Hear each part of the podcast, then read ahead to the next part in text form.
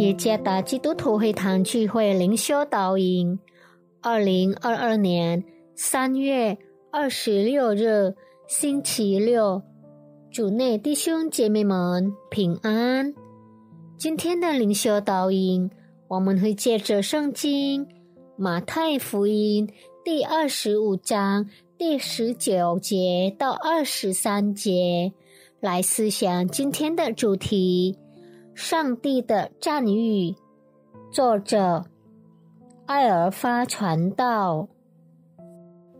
马太福音第二十五章第十九节到二十三节。过了许久，那些仆人的主人来了，和他们算账。那领五千银子的又带着那另外的五千来说：“主啊！”你交给我五千银子，请看，我又赚了五千。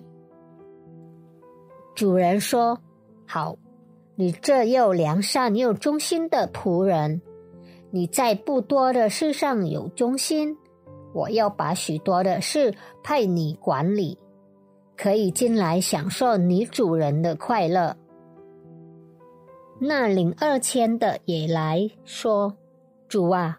你交给我二千银子，请看，我又赚了二千。主人说：“好，你这又良善又忠心的仆人，你在不多的事上有忠心，我要把许多事派你管理，可以进来享受你主人的快乐。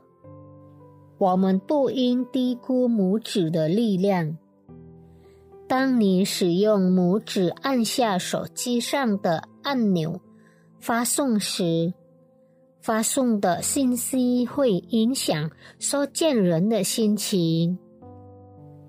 拇指蘸墨水，然后盖在一封信上，使这封信具有法律效力。同样。我们向他人展示的拇指方向也会影响那个人的心态。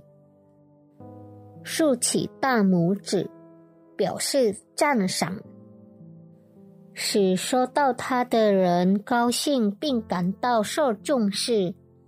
他会被激励去做更好的事情。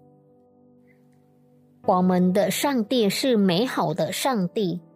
他不是吝于奖赏的神，虽然神会责备做坏事的人，但他也赞扬那些做美好事情的人。上帝称赞那些把最美好的赞美、服侍和奉献给他的人。有一次，主耶稣把神果比喻为一个主人。把家业交给他的仆人管理。在这个比喻中，主人被比作拟人化的上帝。我们可以看到主人如何称赞仆人的成就。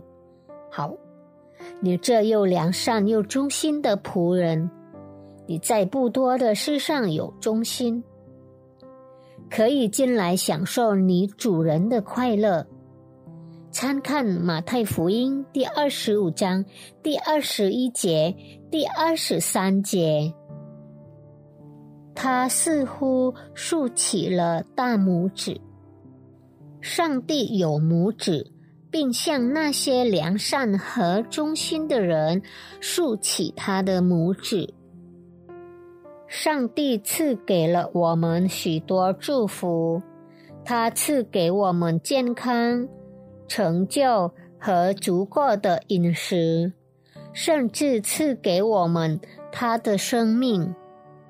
他死在十字架上，使我们领受赦罪之恩和永恒的救赎。